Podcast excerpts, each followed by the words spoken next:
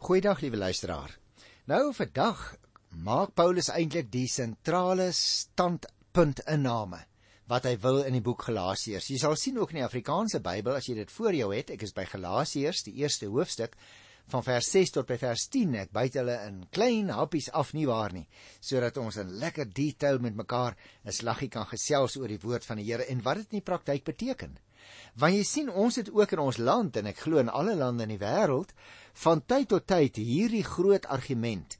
Is daar nog ander maniere terug na God toe? En Paulus sê onomwonde nee. Daarom hier bo kan vers 6 sien jy die opskrif in die Afrikaanse teks in die Bybel wat ek voor my het is die opskrif daar is geen ander evangelie nie. Ek het al van tevore gesê, maar miskien het jy nie op daardie stadium al ingeskakel nie. Jy moet oplet die opskrifies in die Bybel is altyd in skuinsdruk. Nou enige iets wat in skuinsdruk is, is 'n aanduiding dit staan nie in die oorspronklike Griekse taal nie of in die Ou Testament natuurlik in die oorspronklike Hebreëus nie. Maar later het die Bybelvertalers die uh, hoofstukke ingedeel en later ook verse bygevoeg en later selfs kort opsommingkies van waaroor die volgende klompie verse handel ingevoeg. En daarom verskil die opskrifies soms. Ek persoonlik dink dat ons hier 'n baie baie goeie saamvatting het, naamlik daar is geen ander evangelie nie. En terselfdertyd het ek vir jou gesê, die boek bevat sewe verskillende afdelings en hierdie is so belangrik deur die uh, Bybelvertalers en die teoloë beskou dat vers 6 tot by vers 10 'n eie opskrifie is. Dit vorm eintlik die inleiding waarmee die inhoud van die boek self ingelei word om te sê dit is die kern van wat ek vir julle wil sê. Nou in breë oorsig net in twee drie sinne waaroor handel vers 6 tot by vers 10 wat ek met jou gaan behandel. Paulus gaan in hierdie verse sommer dadelik direk met die deur in die huis val. In sy ander briewe, as jy dit sou gaan vergelyk, begin hy gewoonlik eers met 'n danksegging waarin hy die goeie eienskappe van die geadresseerde persone vermeld, maar hier begin hy sommer dadelik met die aanloop tot sy hoofbetoog. Ek het vir jou gesê hoekom dit so belangrik is. Daar is geen ander evangelie nie. Paulus stel dit dus onomwonde en in baie sterk taal dat daar geen ander evangelie is om gered te word nie. Nou kom ek lees eers net vers 6 want ek gaan dit in detail behandel. Dit verbaas my, skryf hy, dat julle so gou van God wat julle deur die genade van Christus geroep het, afvallig word en 'n ander evangelie aanneem. Jy sien luisteraar, dit is die rede hoekom Paulus so sterk standpunt inneem. Want dit blyk uit sy opmerking dat hierdie ouens afvallig geword het en 'n ander evangelie aangeneem het. Nou waarvan sou die apostel praat? Jy sien hierdie ander evangelie is dus 'n verdraaiing van die ware evangelie. Dis mos nou eenvoudig om dit te sê. Die kerk moet ons onthou was in daardie tyd nog maar besig luisteraars om op baie plekke sy identiteit as 'n nie-Joodse beweging te vestig. Nou vir sommige Joodse gelowiges was dit natuurlik 'n probleem. Veral Paulus se beklemtoning dat God vryspraak deur die geloof gee en nie vryspraak op grond van die onderhouding van die wet nie.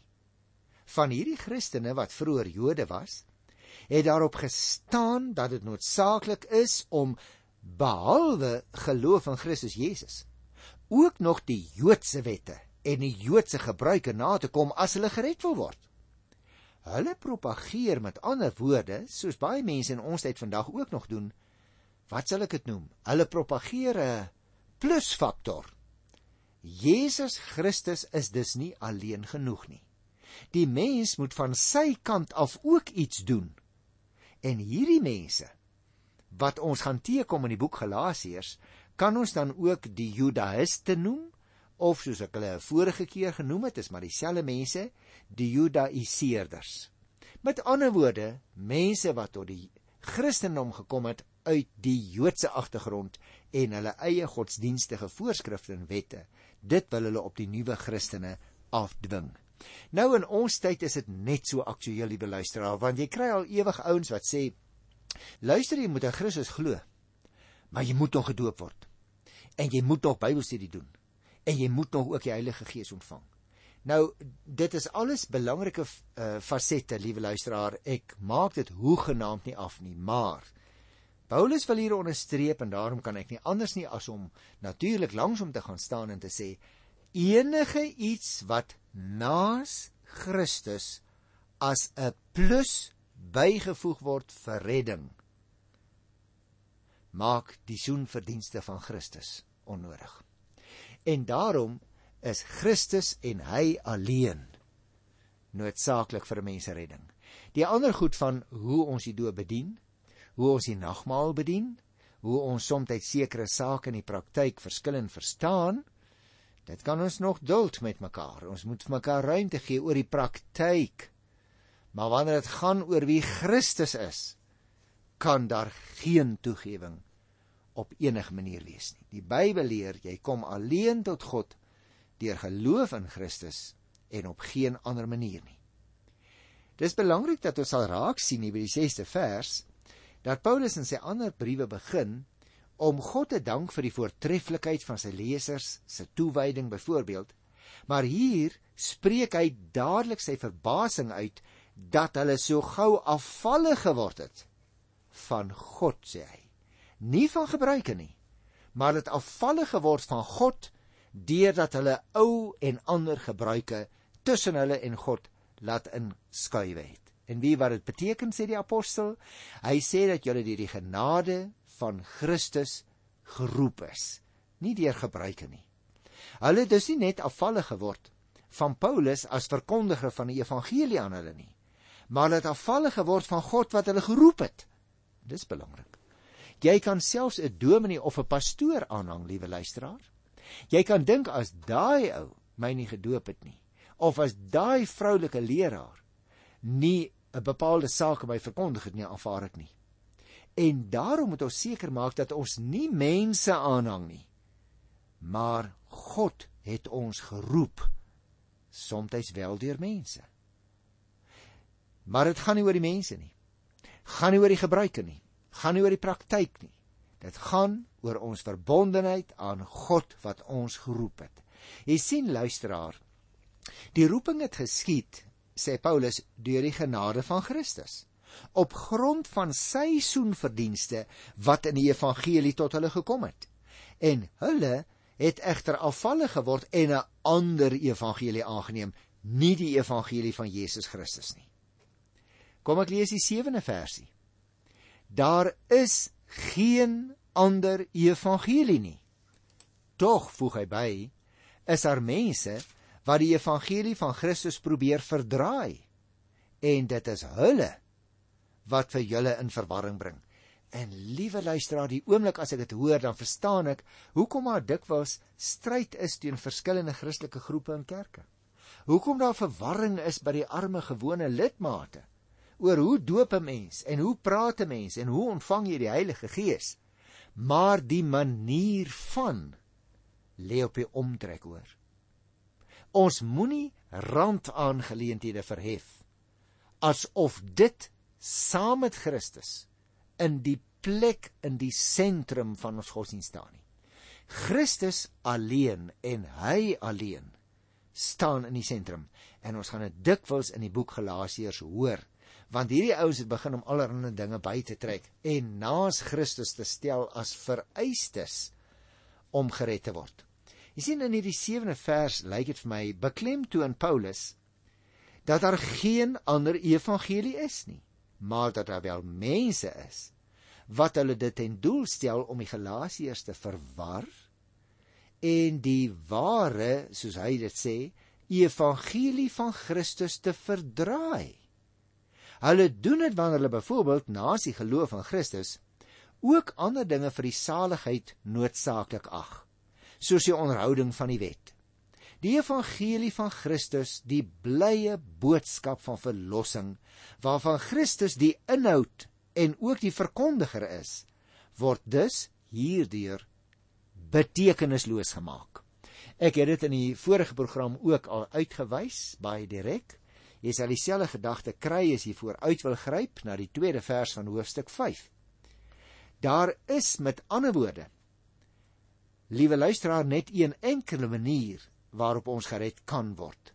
En dit is deur te glo dat Jesus Christus ons verlosser en ons Here is. Daarom wil ek graag vir jou vra in alle nederigheid op grond van die Here se woord, luisteraar, of jy in 'n siekbed lê, of jy rustig dalk op jou bed sit of op 'n stoel, of jy dalk in 'n motor ry. Is jy seker jy is gered? Want as jy in Christus glo, dan is jy gered. As jy alle ander dinge wil begin byvoeg as deel van die vereiste om gered te word, dan bots dit met wat die apostel hier sê. Ek lees weer 'n stukkie van die 7de vers want ek is nog nie klaar met hom nie. Daar is geen ander evangelie nie. Tog is daar mense wat die evangelie van Christus probeer verdraai en dit is hulle wat vir julle in verwarring bring. Kom ek sê dit andersom. Om die standpunt te hê dat elke godsdiens maar net 'n ander pad is om by God uit te kom. Klop dus nie. Luisteraar, dit klop nie met wat in die Bybel staan nie. God gee net een pad na hom toe en dit is deur Jesus Christus. Jy onthou byvoorbeeld daai beroemde uitspraak van die Here Jesus in eh, Johannes 14 vers 6. Ek is die weg en die waarheid en die lewe. Daar is geen ander manier na God toe nie.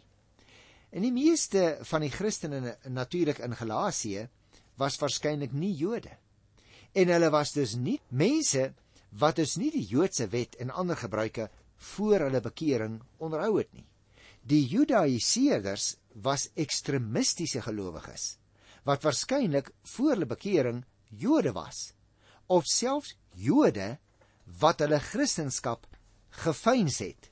Jy sien die Jodaiseerders het skynbaar doelbewus vir Paulus en sy evangelie onder verdenking probeer bring. Met hulle leer het hulle natuurlik groot verwarring onder die gelowiges gestig. En dit het die onderlinge eenheid bedreig. Ons sien dit vandag nog in gemeentes. Paulus was natuurlik die Jode self hoe genaamd nie vyandig gesind nie. Soos blyk uit die verklaring van sy gesindheid teenoor hulle in Romeine. Gaan lees gerus weer Romeine hoofstuk 9 tot by hoofstuk 11, dan sal jy sien hy's jammer vir die Jode. Want hy was self 'n Jood en nou het sy Jode genodig genote Christus nie wou aanvaar nie. So hy was jammer vir hulle. Maar hy was hulle nooit vyandig gesind omdat hulle nie in Christus geglo het nie. En hier sien ons nou, hy huiwer dus nie om selfs sy eie volksgenote te vervloek as hulle 'n vals evangelie sou verkondig. Hy hou daarby dat vryspraak alleen deur die geloof verkry kan word en dat alle mense ongeag herkoms hierdie vryspraak kan verkry. Luisteraar, 'n blaatante leuen is gewoonlik makliker om raak te sien as 'n verdraaide waarheid. En daarom het hierdie mense die gelowiges verwar. Die Judaïste het die waarheid oor Christus verdraai. Hulle het hom wel erken, o ja, met hulle verstand het hulle hom erken, maar dit sy werk aan die kruis as onvoldoende beskou. Die mens moes van sy kant ook iets doen om dit aan te vul, was hulle standpunt.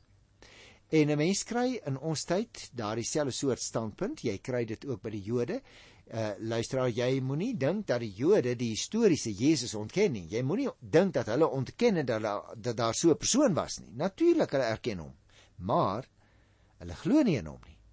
Dan kry groepe mense in die wêreld wat nie net sy bestaan erken nie, maar wat dan ongelukkig sekere dinge byvoeg as vereistes behalwe dit wat Christus vir ons gedoen het aan die kruis.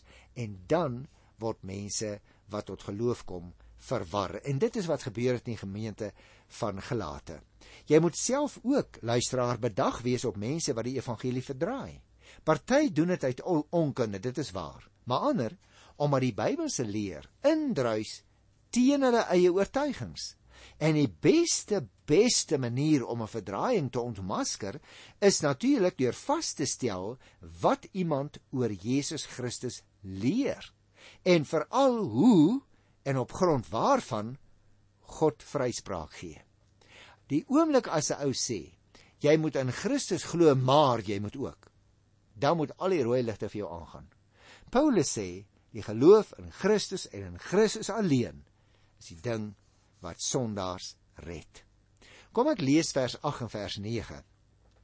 Maar al sou een van ons of selfs 'n engel uit die hemel aan julle 'n evangelie verkondig want dit stryd is met die evangelie wat ons aan julle verkondig het, die vloek van God sal hom tref. Ons het dit voorheen al gesê en ek sê dit nou weer. As iemand aan julle 'n evangelie verkondig wat in stryd is met die evangelie wat julle ontvang het, die vloek van God sal hom tref. Ooh, liewe luisteraar, Paulus is baie kwaai op hierdie punt, né? Want hy wil seker maak dat hulle geen ander vereiste as Jesus Christus en net hy alleen nie glo. Paulus gebruik dus baie sterk taal hier in vers 8 en 9 en herhaal homself. En 'n mens kan duidelik agterkom dat hy eintlik kwaad is. Hy is egter nie in die eerste plek kwaad, luisteraars, omdat sy eie eer aangetas is nie. Of hy is nie kwaad omdat sy persoonlike gesag deur die Judaïste ondermyn word nie, maar hy's kwaad omdat die eer van God aangetast word. Hy's kwaad omdat die enigste ware evangelie verdraai word. Jy moet ook oplet dat die apostel die vloeke nie net oor die ander uitspreek nie, maar dat hy homself daarbey insluit as hy 'n ander evangelie sou begin verkondig. As jou en my eer aangetast word, moet mens stadig wees om kwaad te word luisteraar.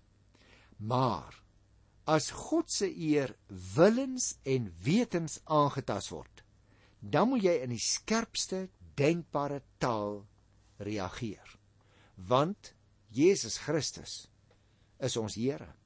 Daarom kan ons nie toelaat dat mense sy eer aantas nie. Dit is my baie interessant hier in die 8ste versie moet jy oplet. Paulus onderbreek eintlik sy betoog deur die valse leraars deur homself en sy medegelowiges of soos hy sê of selfs 'n engel uit die hemel om hulle almal bloot te stel aan die vloek van God indien so iemand 'n evangelie sou verkondig wat 'n stryd is met die evangelie wat Paulus aan hulle verkondig het. Paulus wat andersins baie inskikkelik is, né? Kan maar gaan kyk hoe inskikkelik is. Hy gaan lees byvoorbeeld in Filippense 1 vers 8 of uh, 1 Korinte 8 vers 13 of selfs 1 Korinte 9 vers 22 dan sê jy sien nou baie baie punte kom Paulus ander gelowiges tegemoet ten opsigte van hulle stande standpunte. Maar hier voel hy hom daartoe verplig om sterk standpunt in te neem teen mense wat met hulle verdraaiing van die evangelie die genade van God en die algenoegsaamheid van Christus se offer nie tot hulle reg laat kom nie. Luister wanneer hy praat in vers 9. Ons het dit voorheen al gesê en ek sê dit nou weer. As iemand aan julle 'n evangelie verkondig wat 'n stryd is met die evangelie wat julle ontvang het, die vloek van God sal hom tref. Paulus wys daarop dat hy dit al voorheen gesê het.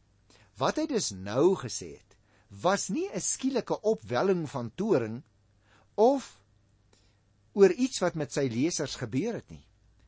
Hy het hulle voorheen alreeds gewaarsku teen die mense wat staan op onderhouding van die wet en vir wie hy in Antiochië en in Jerusalem teëgekom het. Gaan lees maar Handelinge 15 wat handel oor die groot kerkvergadering en dan sal jy hierdie selfde gedagtes daar kry. Nou ek het gesê ek gaan vandag Galasiërs vers 6 tot by vers 10 behandel en daarom wil ek nou graag by vers 10 kom.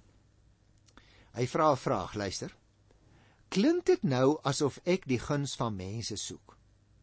Of soek ek die guns van God? Probeer ek by mense in guns kom?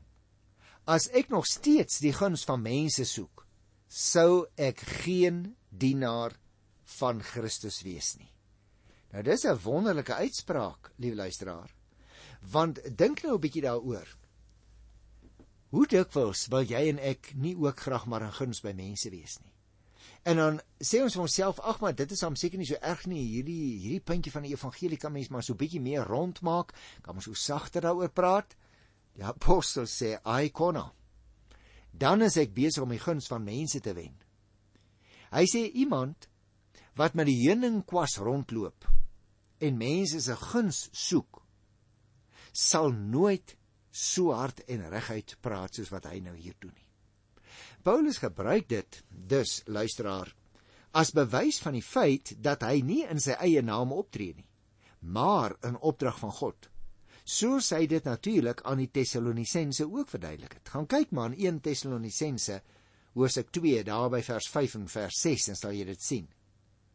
Daarom moet jy en ek ook nie huiwer om hard en reguit te praat as die eer van die Here Jesus en die belang van sy soenverdienste in gedrang kom nie.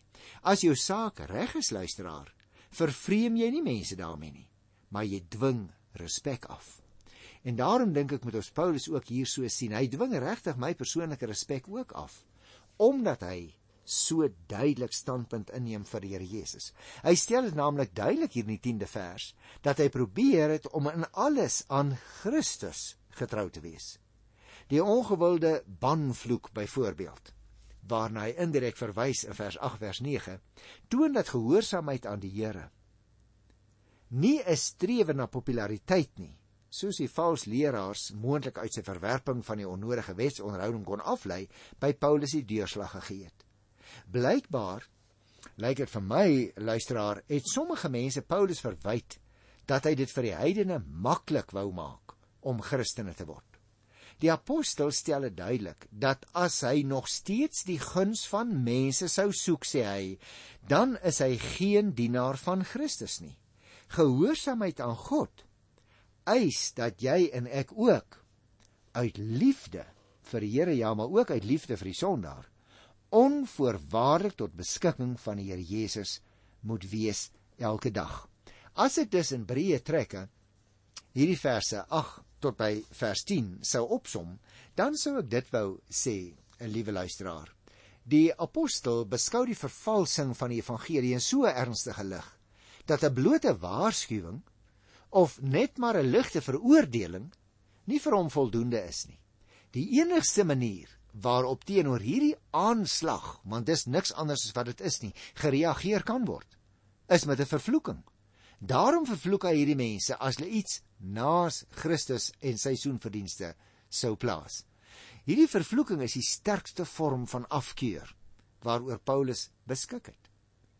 Met die woord vloek word eintlik bedoel dit wat aan God opgedra en oorgegee is en kan 'n positiewe uitwerking of 'n negatiewe sin gebruik word. Jy sien in die negatiewe sin soos in hierdie twee verse 8 en 9 dui dit dus op iets wat aan God oorgegee is om deur hom vernietig te word. Hoekom sou die apostel dit sê?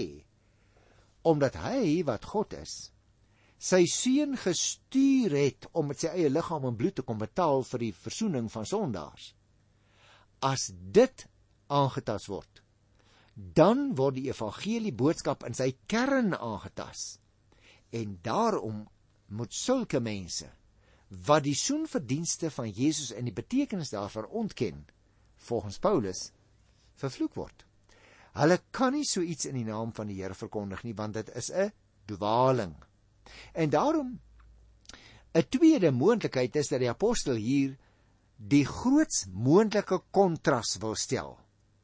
Hy verwys hier in vers 8:9 selfs na 'n engel uit die hemel wat dus van God afkomstig is, wat die evangelie soos dit die eerste keer aan die Galasiërs verkondig is, as so iemand, selfs 'n engel, daardie evangelie sou weerspreek, dan is hulle aan die vervloeking onderworpe. In hierdie uh, laaste vers, en dit wil ek vir jou lees want daarmee wil ek ophou, uh, vind die oorgang plaas ter voorbereiding van die belangrike uitspraak waaroor ek volgende week gaan begin praat. So luister na vers 10. Klink dit nou asof ek die guns van mense soek of soek ek die guns van God? Probeer ek by mense in guns kom? As ek nog steeds die guns van mense soek, sou ek geen dienaar van Christus wees nie. Kom jy en ek ondersoek ook ons eie lewens, liewe luisteraar. As ons besig is om die guns van mense te soek, dan is ons nie regtig dienaars van God nie. Dit gryp my in die hart. Hoe voel jy daaroor? Hoe lyk jou lewe? Soek jy guns van mense of is jy onvoorwaardelike dienaar van God? Ek groet jou met hierdie vraag in jou eie hart tot volgende keer. Tot dan. Totsiens.